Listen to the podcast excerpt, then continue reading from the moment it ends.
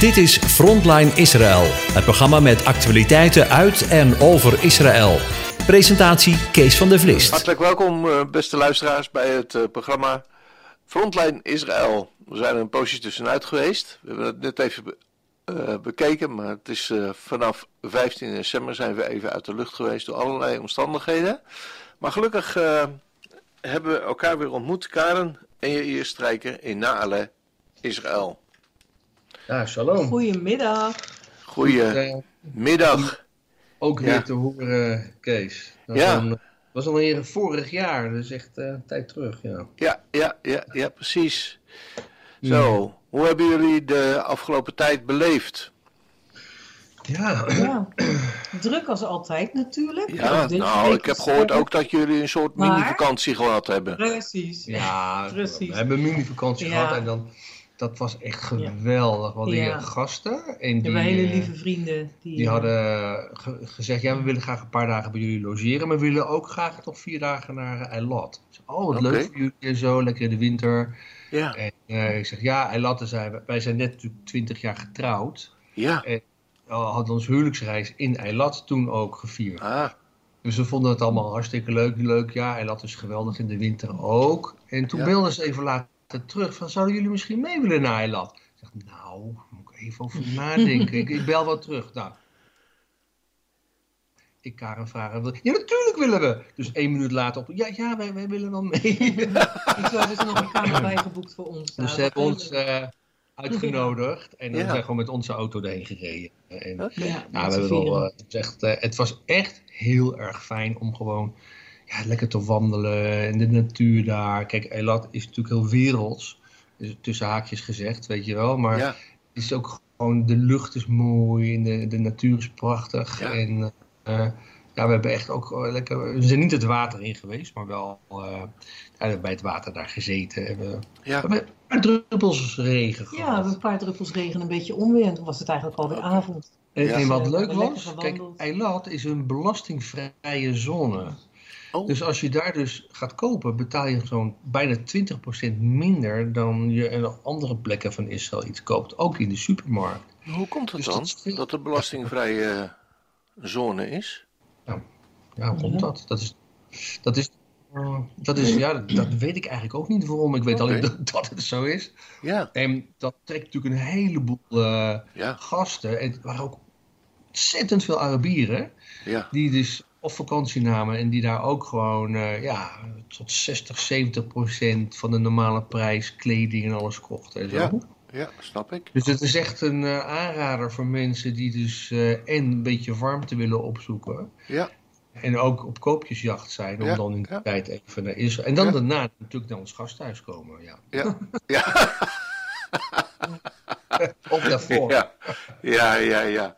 ja. Jij hoopt natuurlijk dat dit, jij hoopt natuurlijk dat dit natuurlijk een voorbeeld is voor al jullie gasten. Je- Oh ja, dat, Dat zou ze jullie af en toe zo'n vier dagen meenemen. Ja, tip, een goede tip. een goeie, goeie tip. Ja. Maar we zijn wel heel erg verkouden geworden. Eigenlijk was een van die vrienden al verkouden. En Ja, Karin werd heel erg verkouden. Ja, en ik dacht, ik ontspring de ook. Maar eh, ik kreeg ook eh, keelpijn. En, eh, ja, Nu loopt hij te blaffen. en ja, het gaat wel iets beter. Maar oh, heel Ja. veel, heel veel eh, ja, ja, niezen. Nou, dat doe ik anders nooit. Ja, Ja. had ik ook. Echt van die buien, niet, nog, niet te geloven. Maar het is ook koud hier hoor. Ik bedoel, ja, 8 Ja. graden s'avonds of zo. hoeveel? Oh, wacht even. De auto. Oh ja, onze, onze, onze minibus staat in de garage, want de deur viel er bijna uit. En nu wordt ja, hier net even gebeld door de garage. dus we kunnen hem hopelijk weer halen. Ja. Dat is echt eh, gevaarlijk aan het worden. Ja, Dus, eh, ja, maar goed, dat, eh, dat is dan hopelijk ook weer opgelost. ja, Ja, zeker. auto's, Ja, kosten. Lieve help, lieve Ja. help. ja, ja. Dat is een dure hobby, hè? Ja. Auto's. Nou, was, was ik daar gisteren bij die garage. En dan heb je Jacob, dat is de jongen die het dan allemaal eh, repareert. We hebben een hele fijne garage, hele goede mensen, heel eerlijk. Nou, echt Ja. fantastisch. Ook als ze, hè, want we hebben in de andere auto een nieuwe motor eh, moeten laten Ja. plaatsen. De motor Ja. helemaal was vastgelopen. Ja. Ja, dan komen er ook nog wat reparatietjes achteraan, maar dat hoef je dan niet meer te betalen. We zeggen Oh. nee, want dat hoort dan daarbij, zeg maar. Oh, dat ja. hadden ze ook anders kunnen doen, weet Ja. je wel. Ja. Maar gisteren ook was ik er weer en eh, Jacob die zegt, oh je moet even om het gebouw heen rijden. En d- ik, ik ontmoet je daar, rij maar even om. Dus ik rij om en hij was binnen doorgelopen en Mhm. was er een secretaresse die ik helemaal niet kende. En ehm, die zegt, oh ja, eh, kom maar even mee. Eh, wat is de code van de auto? Je hebt hier altijd een inlogcode, hè? anders kan je niet Ah. starten. Ja. En wat is je kenteken? En ze zegt, oh, jouw man heet Jair en je hebt ook een Nissan Tida en je dochter zit in het leger. Ik zeg, Nou zeg.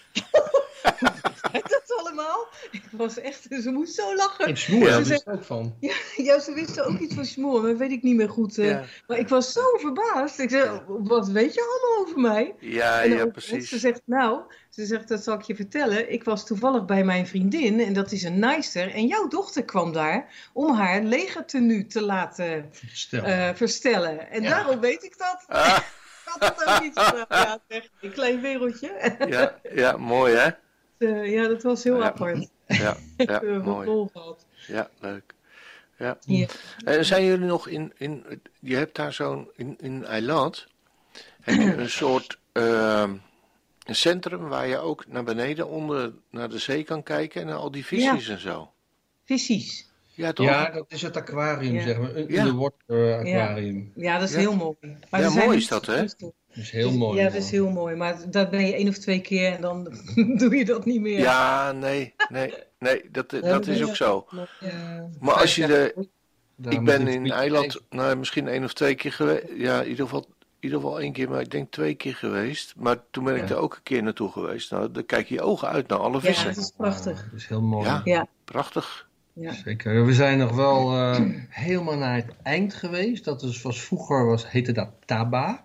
Ja? En daar had Israël ook een, een, een hotel neergezet, het Sheraton Hotel. Maar bij de vredebesprekingen met eh, eh, Egypte moest ook Taba teruggegeven worden en dat hotel. Mhm. Maar, dat, maar helemaal aan het eind, dus tegen Taba aan, daar heb je ook nog allemaal koraalrif. En dan is een klein strandje. Nou, daar hebben we lekker eh, gezeten. En eh, Ja. omdat, ja, helaas liet ik twee eh thermoskannen kapot vallen. En Ja, toen ik zo- ging ik ook nog eens een keer door een, sta- door een stoel heen. was in, in tien minuten tijd hadden we was er heel veel kapot. Ja. Heel erg. Maar dan kan je Ah. prachtig zitten en dan kijk je zo uit op ja, het vroegere Moab, hè, want die Ja. ligt dan aan de overkant. Ja. En, en dat is dan nu Saoedi-Arabië. Ja. En eh, ja, het is wel, ja, wel het is een mooi. mooie plek. Zeker. Ja. Ja. Ja. Ja, en daar kan je dus heel leuk, als je zo'n zo'n zullig duikbrilletje hebt, of zo'n zwembrilletje, dan kan je dus ook het water in en dan zie je al die vissen ook. Ja. En daar betaal je dus niet voor. Want dat onderwateraquarium. Zie je wel. Jullie wonen al een heel poosje in Israël, maar jullie blijven echte Nederlanders. Ja, natuurlijk wel. Joh. Jij durfde niet eens met je voet het water in. Nou, het ik- was best koud en ik was heel erg verkouden. Daar Oh had ik ja, geen zin in. smoesjes, smoesjes. Oh, beginnen jullie weer? heel, heel mooi zwemmen. Met, en toen, wij, toen wij trouwden, onze huwelijksreis, hebben we ook gedeeltelijk in Eilat gedaan. Toen zijn we met dat schip meegegaan, met de Paradise. Paradise. En dat is zo leuk. En dan ga je dus ook naar die kant. Dan eh, gaat hij voor anker, dus voor Taba, dus net voor de grens. eh, of eigenlijk bij, bij Egypte. En daar is dan ook, dan ben je iets verder in zee, hè? Ja. En dan krijg je een snorkel mee en, en flipflappen, weet je wel, voor Ja. aan je voeten. Nu inmiddels niet meer, maar dat was toen nog wel. Ja, ja. En dan ga je het water in. Maar wij trouwden dus in december. En eh, december is natuurlijk voor, ja, we zaten op die boot met allemaal Israëli's en er was, die vonden het allemaal te koud. Maar wij gingen er met z'n tweeën wel het water in. Dus wij waren met z'n tweeën eigenlijk op dat rif. En al die vissen die gingen in een grote kring om ons heen zwemmen. Dat was zo prachtig. bijzonder. Ja. Alsof ze eigenlijk zichzelf lieten bekijken door ons. En Ja. voor mij was dat het hoogtepunt van de reis. Dat was zo Ja. te gek. Ja. Was het niet het hoogtepunt? Nou, ja, nou, ben je nog nou, steeds nou. jong. Vooruit, Oh, jongen. Vooruit dan maar. Als hij dat zo graag wil en ik hou hem zoet. Ja, joh. Maar Ja. het was echt gewoon echt eh, heel mooi. Maar anyway, dus daar zijn we inderdaad vier dagen geweest. En Ja. die vrienden die zouden met ons teruggaan, maar ja, die hadden iets van ja, allemaal regenbuien en zo. Nou, die is nog vier dagen langer in. Nederland gebleven. Ja, ja, ja, ja. Hoe is het verder in Israël? Nou, laten we het daar nou eens niet over. Ja, sorry. Oh, daar ben ik eigenlijk voor. Nou ja, het is.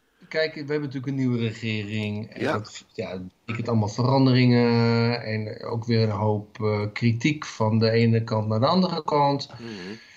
En uh, ja, goed, kijk, er is natuurlijk. Um, ja, waar, waar, waar, ik zelf dan denk van hoe is het mogelijk? Hè? Je hebt natuurlijk waarschijnlijk in Nederland ook ja, dat wel mogelijk gevolgd. En de media in Nederland stonden ja. er ook van. Ja. Dat dus Ben 4, dus, dus de ja. Minister van het rechtse kabinet, uh, nou, de Tempelplein, uh, ja. Tempelberg bezocht. Ja.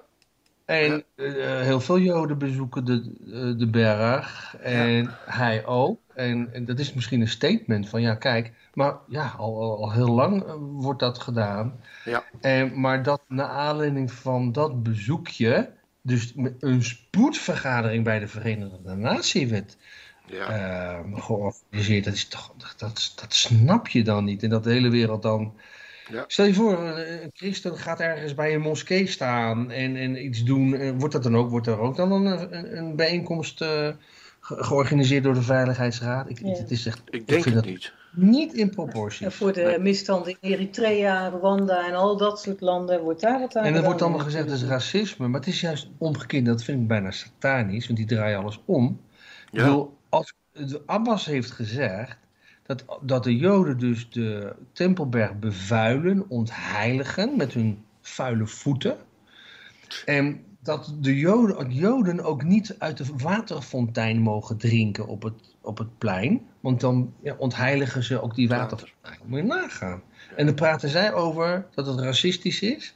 Dat een, een Jood, wiens voorvaderen daar ge- gelopen hebben, Ja. Hè? eh, op daar is een eerste en een tweede tempel geweest. Ja. En wat, wat is nou racisme? Ik bedoel, Ja. ik, vind dat gewoon heel erg. Maar goed, in ieder geval, dat is een, een, een iets zo. ah, ik moet eerlijk zeggen, er zijn ook eh, ultra-orthodoxe Joden die het niet mee eens waren dat Ben Gvir daar liep. Om te zeggen, ja, het heilige, de heilige is daar geweest. Dus pas op dat je daar dan niet per ongeluk overheen wandelt. Ja. Eh, want ja, de rabbijnen hebben ooit bepaald dat je daar dus gewoon niet moet komen nu. Hmm. En, maar goed, al enkele decennia is, hè, lopen ze er toch. En dan Ja. in een grote kring, ik ben ook wel eens meegelopen. Hmm. En dan eh, op, niet op schoenen, gewoon op... eh, mensen doen, ze doen dan de scho- schoenen uit. Hoeft niet, maar dat doen, doen de joden dan wel. En helemaal onder beveiliging eh, loop je daar rond. En dan allemaal Arabieren die dan maken filmpjes van je of je niet aan het bidden bent. Aan Daphne. Ja, Dat mag niet, hè, daar. Nee, dat mag niet. Het wordt wel oogluikend, moet ik zeggen, toegelaten. De laatste keer dat ik er was, zag ik dat wel gebeuren. Ja. Maar, ehm, ja, ik bedoel, je wordt, je wordt heel, het is heel onprettig om daar dan te lopen. Er worden allemaal Arabieren om je heen lopen Ja. die je in de gaten houden. Ja. Ja. Dus dat is gewoon een onvrijheid. En, maar goed, er is wel, ook nog wel andere dingen, zoals bijvoorbeeld, eh, we hebben natuurlijk een rechtssysteem zoals elk land dat heeft. Maar in Israël is ook heel veel corruptie. De rechterlijke macht heeft heel veel vingers in de pap. En de rechterlijke macht bepalen zelf wie de rechters worden. Dat is dus niet een democratisch verhaal. Nee. En eh, de nieuwe minister van eh, Justitie, die heet Yarif Levin, Le- Levin, die Ja. woont in Modi'in, eigenlijk vlak bij ons in de buurt. Mhm. En eh, die heeft gezegd, ja, we moeten dat gewoon toch gaan veranderen, dat het gewoon democratischer gaat worden. En dat dus ook het kabinet mee mag bepalen of een wet wel of niet aangenomen wordt. En dat dan niet de, het hogere rechtshof die wet weer kan teniet doen. Ja. En eh, dat is toch meer in de richting zoals de wet, ja, westerse Amerikaanse eh, modellen zijn eh, samengesteld. Maar goed, dat duidt dus op, ja, op heel veel kritiek van, van links, want heel veel rechters zijn juist het linkse hoek. Ja. En nou, het is gewoon ook bij hem thuis gisteren, geloof ik, in, in Modi'in. Eh, we zullen zorgen dat jij niet je plannen kan doorvoeren. We gaan je overal volgen en vervolgen. En we zorgen dat je in Den Haag terechtkomt. En Och. nou ja, dit is allemaal gewoon helemaal niet leuk. Want het wordt hier een beetje vertaald als zijnde dat Netanyahu de macht naar zich toe wil trekken. Ja, ja. ja zo, wordt, zo wordt het inderdaad vertaald. Ja. En kijk, ze, ze blijven natuurlijk ook zo van... Ja, Netanyahu heeft natuurlijk nog wat dingen aan zijn broek hangen waar Ja. hij nog niet vanaf is. Nee. En ik denk ook, ja, als hij gewoon niet goed was, of goed is en goed blijkt, dan moet hij ook daarvoor uh, schuld uh, toegeven. En, ja. en ook brommen, zo gezegd. Hè? Mm -hmm. Er zijn wel meer uh, hoge pieven hier in Israël die uiteindelijk ook in de gevangenis hebben gezeten. Ja. Maar goed, zolang dat allemaal niet bewezen is, vind ik dat je gewoon daar, ja, ja toch, toch een beetje voorzichtig moet zijn om op ja. voorhand die man al helemaal te, te veroordelen. Dat was natuurlijk al zo voordat die linkse regering van Lapid kwam. Hè? Ja. Ja, ja. En ik denk dus dat, het, dat er gewoon een, een, een nare, nare tijd aankomt, politiek gezien. Mensen zijn verdeeld. Eh, enorm. Dat er een burgerachtige oorlog komt. Want ja, de vijanden van Israël lachen ons alleen maar uit. Die zeggen, wij hoeven, wij hoeven Israël niet te vernietigen. Ze vernietigen zichzelf wel. Nou, dat geloof ik helemaal niks eens. Ja, weet je, als er een oorlog is, dan zijn we het allemaal met elkaar eens. Ja. Maar als er gewoon geen oorlog is, dan zitten ze elkaar vaak in de haren. Ja, ja. ja. De verschil is, het is groot, hè, in, uh, in Israël. Maar ja, goed, weet je, het wordt ook heel erg, denk ik, uitvergroot. Juist omdat het, uh, het wordt ja, het is Israël is. Uh, Kijk, er zijn ook nieuwe regels voor het leger. Kijk, on- onze dochter zit natuurlijk in het leger. Die, die zit er wat dichterbij. En ik vraag haar wel eens zo van, ja, zijn ze nou, eh, die commandanten zo meer links of rechts? Dus nee, dan mag ze, mag ze A, niks over zeggen. En B, zegt het wordt ook niet ge- ge- gezegd. Want je mag niet, je moet apolitiek zijn in het Geen leger. politiek. Maar dat zijn ze natuurlijk wel. Ja. Want eh, heel veel eh, IDF-hoge pieven, die komen uiteindelijk ook in de politiek. Ja. En dikwijls in de linkse hoek. Ja.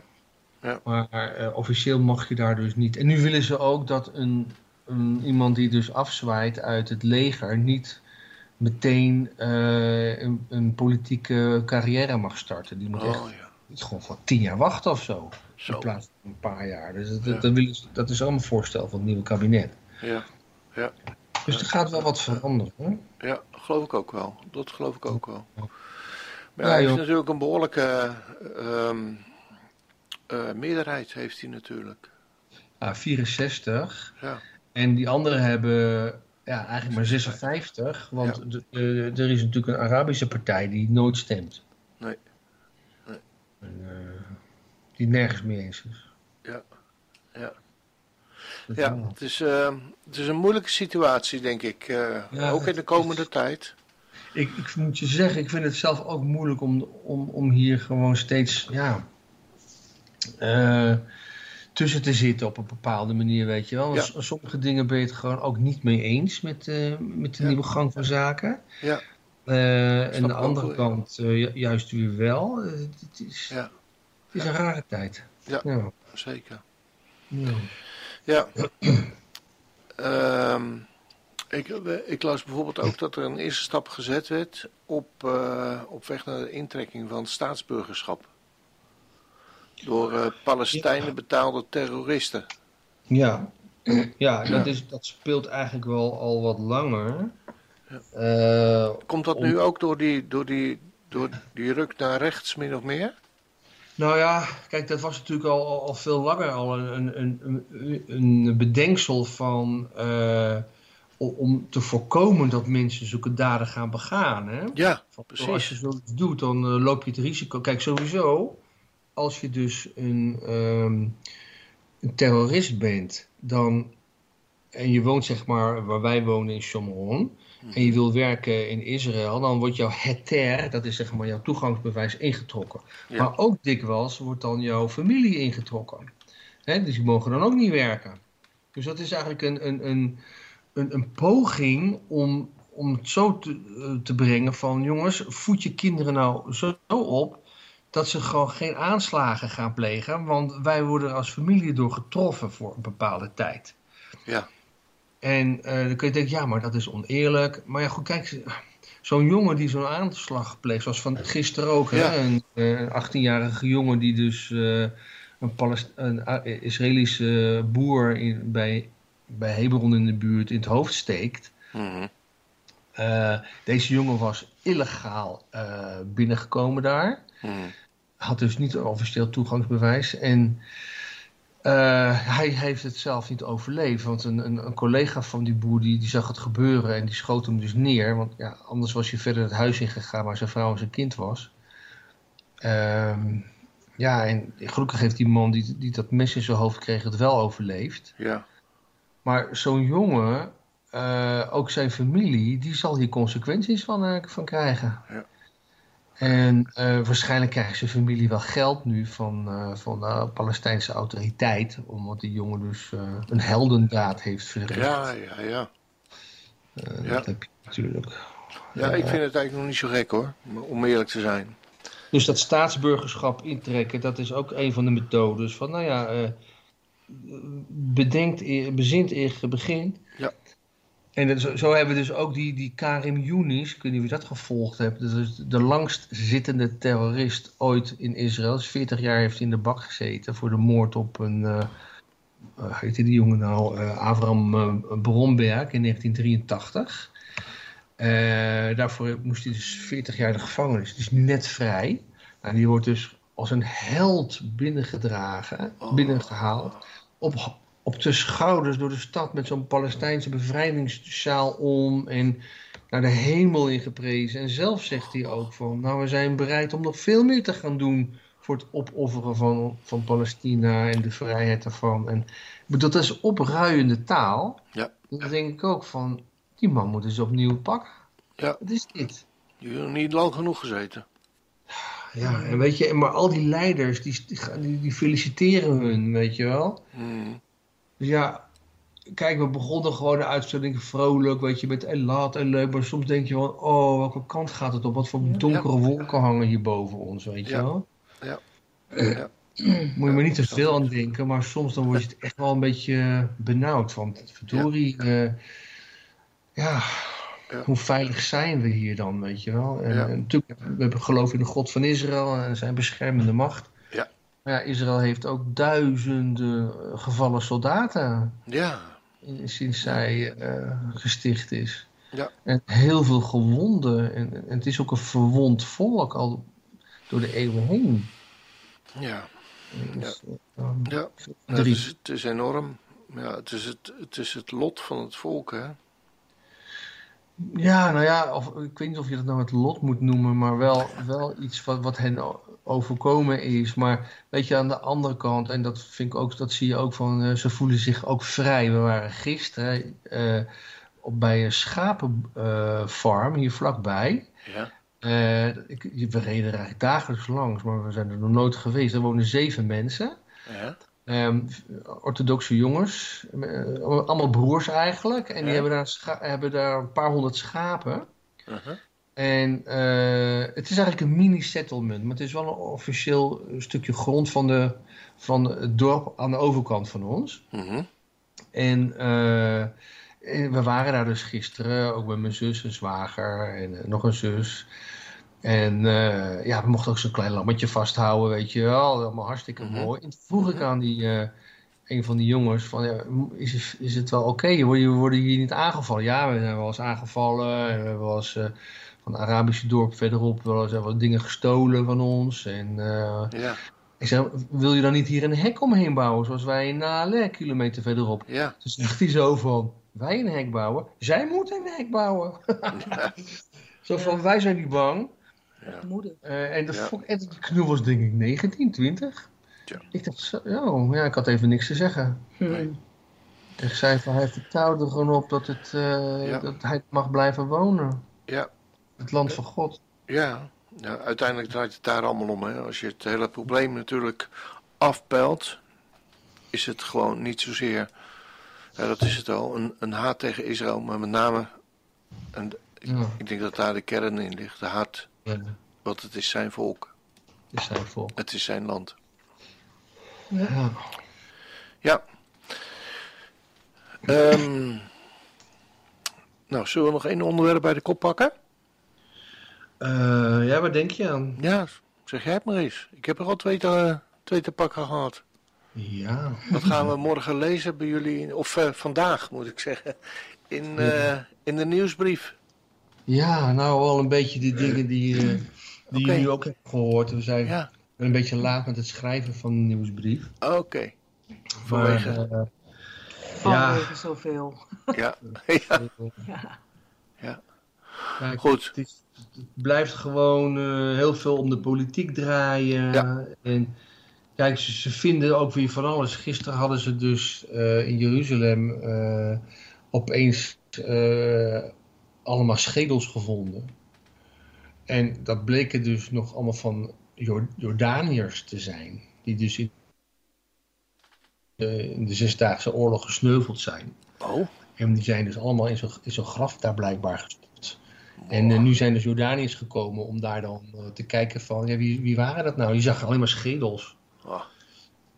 Dus ja, maar goed, ze vinden ook vaak um, van alles en nog wat hier hè, in ons land. Ja, ja.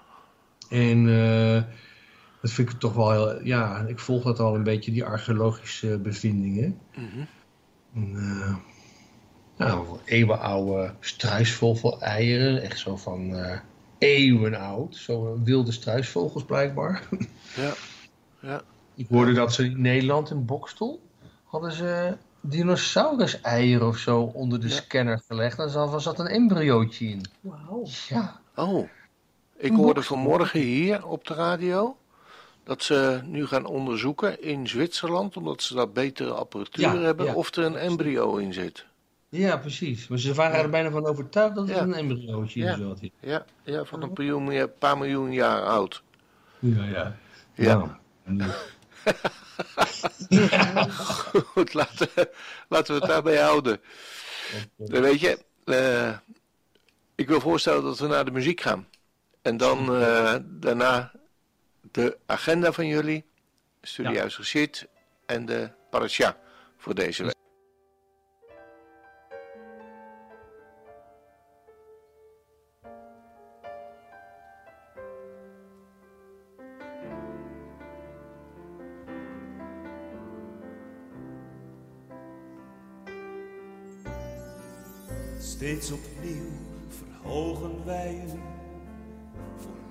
Wat u deed.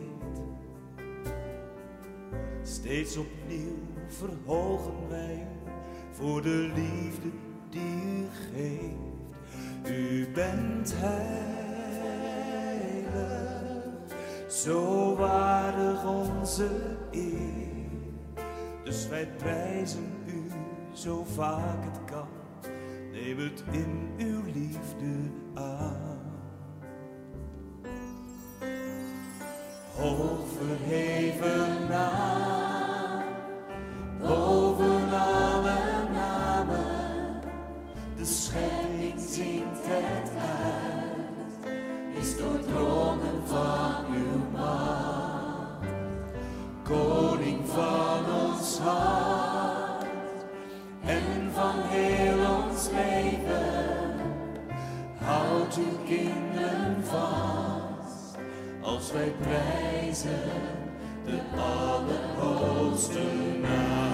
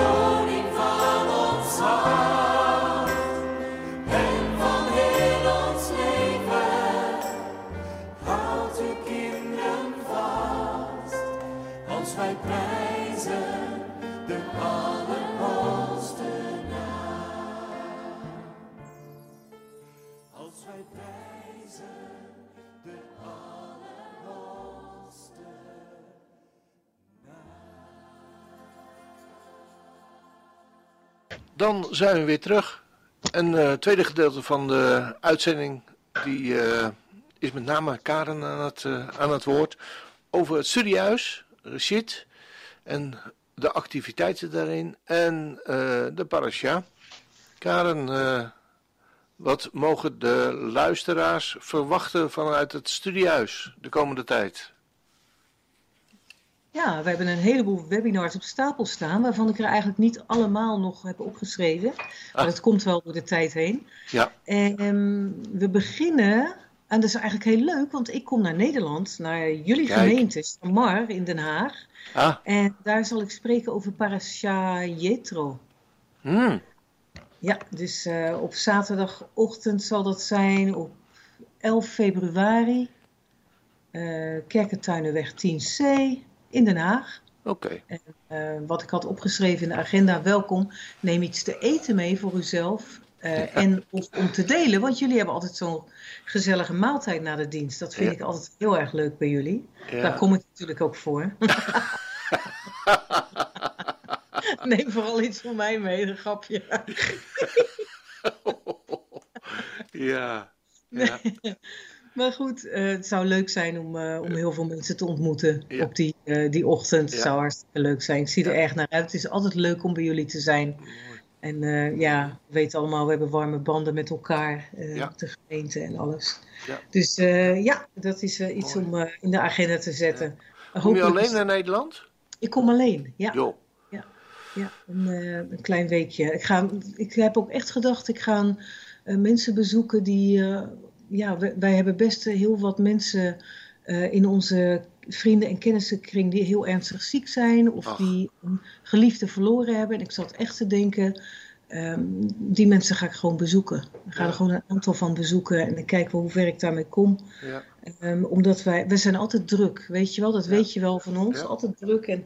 Maar je moet niet te druk zijn om degene die verdriet hebben of die ziek zijn, Mhm. om die te bezoeken. En ik heb echt gedacht, dat wil ik nu eigenlijk doen. Ik wil, eh, wil een aantal mensen gewoon een hart onder de riem steken en eh, ja, ehm, ja, gewoon opzoeken. Dus eh gaan wel zien hoe dat dan van gaat verlopen. Ik zet het veel vast. Nou ja, ik vind het gewoon belangrijk. Ja. Mensen bidden ook voor ons en mensen zijn ook lief en goed voor ons. En ik vind dat het, ja, dat is een stukje koninkrijk van God. Ja, zeker. Ja, Ja, mooi. dus ik zie wel hoe het verder loopt. Ik zet ook niet te veel vast. Ik heb een aantal mensen in gedachten. Ja. En eh, ik, zie wel. Ja, 11 februari. 11 11 februari. uur. 11 uur start de dienst. Ja, Ja. Kerktuinenweg 10C Den Haag. Nou, jij weet het beter dan ik. Ja, ik kom er nog wel eens, ja. ik kom er nog wel eens, ja. Ja, ja precies. Goed. Ja, dan eh, 5 maart hebben we de, het Purim-webinar. Oh, dat vind ik ook altijd weer zo leuk. Weet je, Purim is zo gezellig, Ja. zo leuk. Ja. Ehm, en we zullen ook in die maand, en dat ga ik nog, eh, nog noemen hoor, maar nog niet, want dat moeten we even plannen in onze agenda. Mhm. Hoe dat uitkomt, gaan we ook weer een eh parasha ook webinar houden. Dat zullen we altijd op donderdagavond doen. Ja. Maar, eh, dit webinar zondagavond 5 maart Purim. En op het Chevron nieuws staat al zo'n klikfunctie. Oh ja. Zo van klik hier om u op te geven. Dan hoeft u alleen maar hier aan te tikken en dan Ja. heeft u zich opgegeven. Dan krijgt u een bevestiging van mij. Ja. En Ja, dan en ik begreep dat er maar 100 Pesachwebinar, mensen mee kunnen doen, hè? 3 april. Karen? Ja, dat Ik klopt. begreep dat er maar dus je 100 moet een beetje mensen- zijn. Ja, Ja, precies. klopt. Oké, maar ik zat door je tekst heen te Dus- praten, sorry. Ja, dat geeft niet, dat geeft niet. Kijk, zijn er nou, komen er nu 150 mensen op af? Dat kan natuurlijk, dan houden we hem gewoon nog een keer. Oh Maar dan, dan zien we wel, we willen altijd graag wel dat iedereen mee kan doen. Ja. Maar eh, als mensen zich op tijd opgeven, hebben we ook de tijd om dat dan weer te plannen. Ja, Eh, en om gewoon te kijken wie doen er mee. Maar we hebben het ook, wij merken dat het zo is dat als 100 mensen zich opgeven, dan komen er 80. Maar mensen vergeten het weer of moeten werken of weet ik het. En die zeggen niet altijd af. En dat hoeft ook op zich niet hoor, want we zijn dat al gewend. Dus we zetten er dan zeker 120 in. Oh Want ja. dan weten we, dan is, hebben we ongeveer 100. Dan, klopt het wel. Ja. Dus, eh, maar goed, het is erg fijn. Soms of eigenlijk heel vaak, geven mensen zich pas een uur van tevoren op. En dan denk ik, oh, je hebt weken de tijd gehad, kom op. Het is voor ons echt wel werk om dat dan ja, snap ik. Want dan is de link al lang verstuurd en al die dingen. Nou ja, je weet hoe het gaat. Snel opgeven dus. goed, hoe dan ook, schroom dan niet. Ja, schroom sowieso niet als je laat bent. Want ja, je hebt soms van, ja, moet ik nou wel werken of niet? Dat weet je niet altijd. Nee. En eh, kan het niet, zeggen we het eerlijk. Kan het wel, is het alleen maar fijn. Ja. Dus dan Pesach webinar, maandagavond 3 april. Ehm Shavuot webinar, woensdagavond 24 mei. Zo. En dan zit ik zelfs al bij Soekot. Dan zijn we een heel eind weg. Ja, Donderdagavond 28 september. En dat hele rijtje staat zo onder elkaar. Met al die data. U hoeft alleen maar in te vullen of aan te klikken hier in dat tekstje. En dan ben je opgegeven. Dan bevestig ik dat. Dus zelfs voor eh Soekot eh, loopt het al eh, binnen. Of niet helemaal binnen. Maar er zijn aanmeldingen. Dat is helemaal fijn. Ja. Dan de ALEF-cursus. Nou, wij zijn inmiddels zo lang bezig. Die noem ik eigenlijk niet meer. Wij zijn al zo ver. Ja. Maar er is ook een ALEF-cursus in Oud-Alblas. En die is op donderdagavond, 19 januari. Dan begint die. Ah, En dat is ook mooi. Dat is dus al volgende week begint ja, die. volgende En dan gaat hij ja. om de week in acht lessen. Dus eh, ook daarin, eh, laat even weten, ook aan ons. Ehm, ik heb hier toevallig geen hier-knopje. Dat kan ik nog even maken. Dan komt het direct bij die docenten terecht. Dat is Annemarie Bom. Oké. En dan op. eh, ja, Zwolle is net begonnen, 12 januari. Ehm, Gisteren dus. Maar dat, ja, gisteren was de eerste les. En dan 26 januari gaat ook om de week. Nee, het gaat iets Ja. langer. Ehm, in ieder geval, ook daar kun je aanklikken. En ehm, ik zou zeggen, Zwolle, als je in de buurt woont, hartstikke mooi. Elskevaal doet deze. Dan de Gimal-cursus, dat is, de, dat is eh, het vervolg op de ALEF-cursus in Houten. En die wordt gegeven door Ads van Oudheusden. Eh, en dat is op 9 maart begint die en die gaat om de week. En die is, dat is een fantastische cursus. Ja. Met wederom een fantastische lerares. We hebben he- hele fijne docenten waar we heel erg blij mee zijn. En eh, ja, die gewoon veel meer hebben gedaan inmiddels dan de ALEF-cursus. En eh, heel erg goed beslagen ten ijs zijn. Mooi. Dus dat is de agenda. Het is een Ja. hele lange dit keer en er komt nog meer bij. Oké. Dat zullen we in de komende weken erbij zetten, welke parashot we ook nog eh, gaan doen. Want we willen echt elke maand een parasha doen Ja. via een webinar, dus via. Zoom. Ja. Dat willen we in ieder geval eh, doen. En ja, verder zitten we nog te denken aan het ontwikkelen van een nieuwe cursus, om ook weer eh, voor de gevorderden te doen, om eh, samen als het ware eh, vi- virtueel om de tafel te zitten en met elkaar een, een, een vers van bijvoorbeeld Hosea of een psalm of, of noem maar op Oh ja. te diepen. Ja. Want ja, we denken dat daar behoefte aan is en zo kun je Ja. echt ook leren om het zelf te doen. Ja. En dan Ik zijn heb, we er nog bij. Ja. Ehm, het hele programma, staat dat ook op jullie website? Ja, De agenda, ja? Ja. Het kan zijn dat die er nog niet helemaal in staat. Het is goed dat je dit zegt, want de website die groeit enorm. Ja, Enorm. Dus dat heb ik gemerkt. komt er heel veel bij. Ja. Ja. maar ik moet denk ik even ook, ik ben zo druk geweest met andere dingen, even deze agenda er ook goed inzetten weer. Ja, ja, Eh, ja, mensen hebben soms niet eh, de nieuwsbrief. Ja. En op Dan, de site eh, gezien worden. Ja, ja, dus dan kunnen wij in onze nieuwsbrief vanuit Radio Israël ook een linkje maken. Van bekijk hier de agenda van eh, een studiehuis. Wauw, dat is Dus heel erg Dat fijn. zou, dat zou voor, dan is dat ook makkelijk. Ja? Ja, dankjewel. Ja, nou, Ja, niet voor te zo. bedanken hoor. Nou, We helpen dat is- elkaar, hè? ja, wel op elkaar, inderdaad. Maar het is ook heel hartstikke lief. Goed.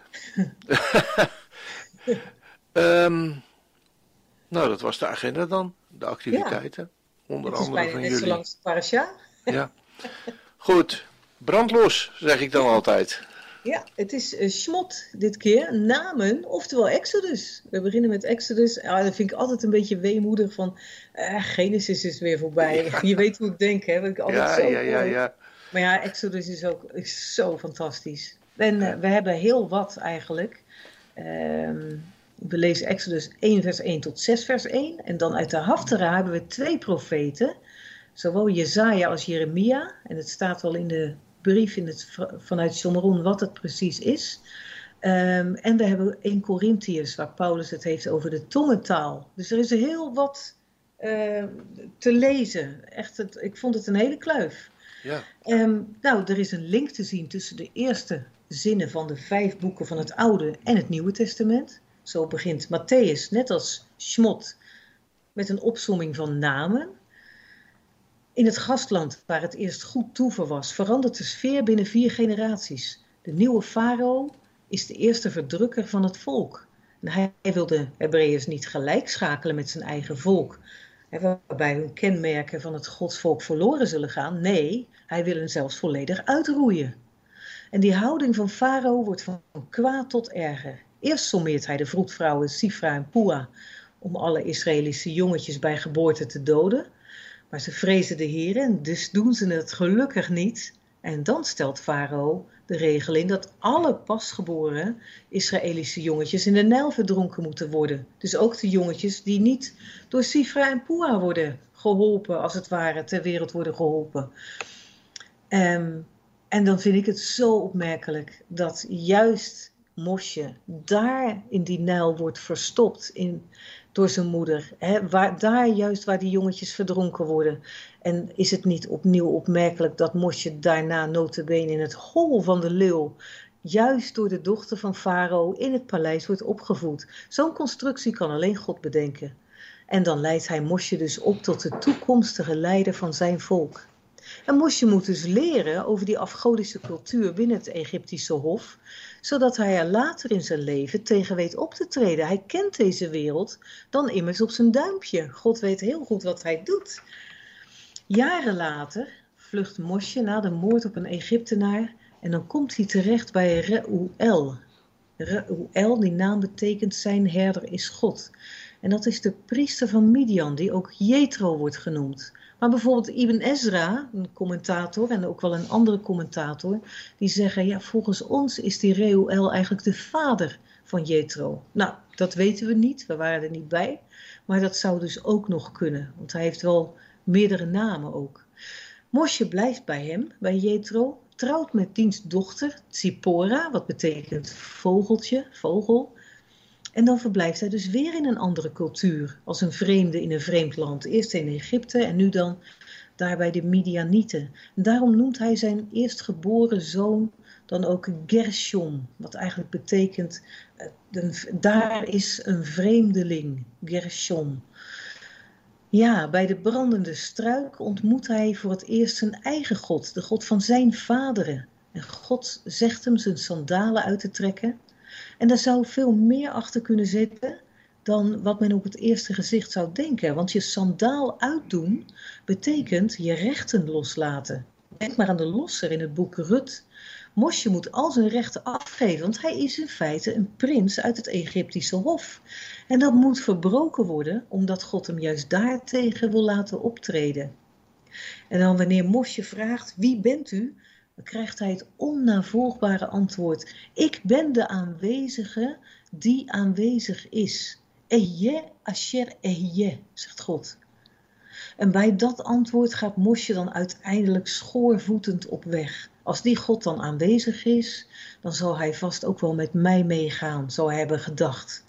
Maar onderweg wordt hij nog bijna door God, door diezelfde God, nog gedood, omdat hij zijn zoon niet heeft besneden. Dat is nogal rigoureus. Tsipora handelt kloek, weet meteen wat er schort en besnijdt haar zoon ter plekke.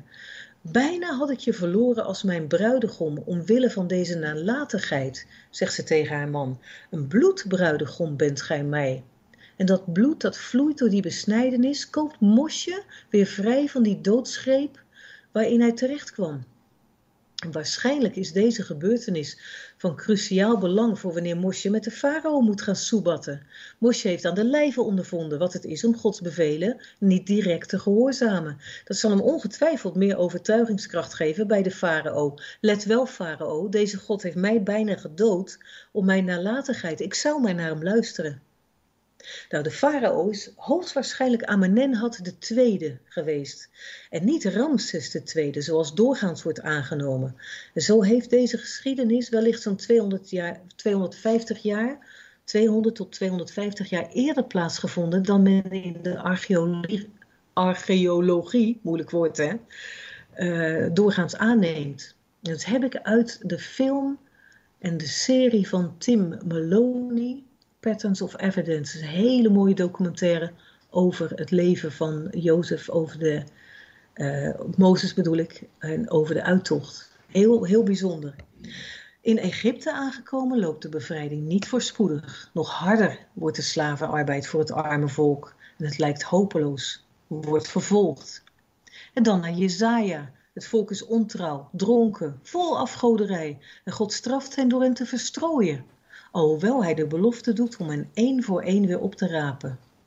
Jesaja 27 vers 6, daar staat, de dagen komen dat Jacob zal wortel schieten. Israël zal bloeien en groeien en ze zullen de aarde met vruchten vullen. En het mooie aan deze tekst is, en dat valt in het Nederlands weg, maar in het Hebreeuws zien we dat wel staan, die tekst die kan zowel in de toekomst staan, zoals ik hem net ook las, maar hij kan ook over het verleden gaan. En dat is waarschijnlijk waarschijnlijker. Ook al zeggen onze Bijbels hem vaak in de toekomstige versie. Er staat het woord Habaim. Habaim kan slaan op de dagen die komen, maar ook, volgens uh, Rashi, op degenen die kwamen. En dan krijg je een heel ander verhaal. De grote Bijbelgeleerde Rashi legt dat uit, dat deze tekst dus ook kan slaan in de tijd dat Jacob met zijn familie in Egypte kwam en zijn zoon Jozef toen de, de toenmalige wereld van voedsel voorzag. Wat een ongekende prestatie was. En wat betreft de toekomstige vrucht, heden ten dagen zijn de Israëlische uitvindingen, vooral op technologisch en op medisch gebied, grote zegeningen voor de hele wereld. De wereld kan deze zien, juist door de verstrooiing van de Joden naar alle volkeren. En zo heeft een straf vaak een achterdeurtje. De, verstrooiing is een straf op de zonde van afgoderij. Maar tegelijk komt Gods enorme zegen dan over de wereld terecht. Zijn gaven zijn onberouwelijk. Eens zijn talenten aan het volk gegeven, is ook voor altijd aan het volk gegeven. En dat is de trouw van God aan een ontrouw volk. Opvallend is in Jesaja 27 vers 8 de oostenwind, gestuurd om het volk weg te blazen, de diaspora in, die wind die de zee doet splijten. Wat een, uh, dezelfde wind, dat is een wind die God vaak gebruikt. En uh, die diaspora gaat ook voor een groot deel juist richting het oosten. En de wind blaast juist uit het oosten. En dat is een tegenstelling. Het volk is dus deels tegen de wind in weggeblazen. Richting Babel, dat ten oosten van het heilige land ligt. De oostenwind komt vaak ook in de Bijbel voor, heeft altijd met God te maken. Hij beschikt alle winden, maar speciaal die wind. Diezelfde oostenwind gebruikt God met een dubbele maat om de Egyptenaren te laten verdrinken onder meer omdat zij de jongetjes uit het godsvolk hebben laten verdrinken. En Mosje komt met Aharon ook uit het oosten naar Egypte. Ze komen immers uit Midian, wat oostelijk van Egypte ligt. Wanneer ze tegen de farao spreken om het volk te laten gaan, verzwaart deze juist de slavernij. Redding komt vaak niet met gemak, maar met moeite tegen de wind in. We zouden ons daardoor kunnen vergissen en denken dat het niet van God is. En het volk zegt dat dan ook in Exodus 5, vers 21. Mogen de Heeren jullie straffen? Helemaal anders. Maar om dan terug te keren naar Jezaja, zoals het kaf van het koren af wordt geblazen, zo wordt de afgoderij en de onreinheid van het volk afgeblazen door Gods oostenwind en daardoor wordt hun ongerechtigheid weggedaan. En hoewel het volk vol zonde is, is daar toch Gods belofte om hen weer samen te rapen één voor één. Het volk zal weer terugkeren uit de ballingschap en zal God aanbidden in Sion. En het gaat verder en verder. We zien de roeping van Jeremia in deze haftara. En hij heeft, in tegenstelling tot Mosje, maar één bezwaar. Hij vindt zichzelf te jong voor deze roeping. Maar God pakt hem bij de lurven en stuurt hem op pad. Een moeilijk leven zal hij hebben als profeet. En dat strookt met het leven van Mosje en van Jezaja. Profeet zijn namens God, dat kost alles. Bij 1 Corinthians 14, Paulus gaat in op de onverstaanbare talen, zoals het volk Israël het volgens Jezaja nodig heeft om uitleg te krijgen in heel eenvoudige taal. Zo stelt de apostel Paulus dat we in de gemeente ook eenvoudig het moeten houden voor elkaar. Het gaat hier over het gebruik van de tongentaal, gegeven door de Heilige Geest. Dit mag alleen gebruikt worden als er ook een uitleg bij gegeven wordt, anders heeft de gemeente er niets aan. Want het spreken in een tong, daarbij blijft het verstand immers vruchteloos. De tong wordt door de mensen niet verstaan. En het is uh, voor het opbouwen van de gemeente belangrijk om juist wel verstaanbaar te zijn. Nou ja, of God nu spreekt tegen Farao door wonderen en tekenen, of door in zeer eenvoudige taal tot zijn volk, of dat we in een tong mogen spreken die we zelf niet kunnen verstaan, terwijl de Heilige Geest de woorden ingeeft om tot God te spreken. De boodschap is: God is altijd trouw. Shabbat shalom. Amen. Amen. Inderdaad. God is altijd trouw. Ja. Lang verhaal dit keer, hè? Ja. ja. Het, was echt veel, want niet alleen Jezaja, maar één tekst, maar twee teksten uit Jezaja, plus een lange tekst uit Jeremia. Ja. En je moet echt kiezen. En dan denk ik, oh, ik heb het toch wel heel lang laten duren misschien. Nee, maar er is zoveel te vertellen. Ja, het zijn heel wonderlijke uh, geschiedenissen. Hè? En het is, wij, als wij denken, ja, het zit ons tegen in het, dat viel me zo op, uh, die oostenwind. Ja, hè? Ja, en zo is het ook misschien ook wel, uh, als ik jullie spreek hè, in, in, in dit programma, dan, uh, ja, dan zijn de moeilijkheden voor Israël ook vaak niet van de lucht. En dan moest ik aan denken toen jullie, uh, to, toen je dat vertelde over de oostenwind. Dat ja. die misschien ook wel nu in de tijd ehm, waait voor Israël, omdat er zoveel tegen is. Ja, precies. Ja. Ja, en ik vind het zo mooi, die tegenstelling. Hè? En ja. bijvoorbeeld ook met, met Pua en Sifra. Ja. Hè? Zij, zij, deden dan niet wat de farao zei. Wat gebeurde er? Dan moesten alle jongetjes verdronken worden. Zouden zij niet hebben gedacht: Oh, hadden we nou toch maar gedaan wat de farao zei? Want dan hadden we er misschien een paar kunnen redden, terwijl we de anderen. Ja. Weet je wel, zouden zij zich niet. En dat, dat is dus met, met Mosje en Aaron ook zo. Die komen dan de, bevrijding uitroepen en dan wordt het alleen maar zwaarder. Ja. En dat, dat geeft zo, eigenlijk zo'n, ja, als het ware, moreel besef. Van gaat dit wel goed? En het volk zegt dan ook tegen ons, of tegen hun, van het, God zal jullie straffen. Had ja. dit nou niet gedaan? Ja. En toch was het van God. Ja. En ik denk dat dat in ons leven ook zo kan zijn. Dat je soms denkt, het kan niet van God zijn, en is het wel van Hem. Bevrijding gaat tegen de wind in. Het is nooit makkelijk. Nee. Nee. En dat is wel goed om te onthouden, inderdaad. Het was voor mij ook echt, toen ik dit zo uitzocht, van, goh, dit is wel echt een eye-opener. Ja, ja, waar je steeds weer bij bepaald moet worden. Ja, dat ja. denk ik ook. Ja. Want het, ja, het is echt niet zo makkelijk. Goed. Heel hartelijk bedankt. Ja, graag gedaan. Hè? Hoop ik elkaar volgende week weer uh, te treffen in dit programma. Ja. Dankjewel. Tot ziens. Lietroot. Doeg.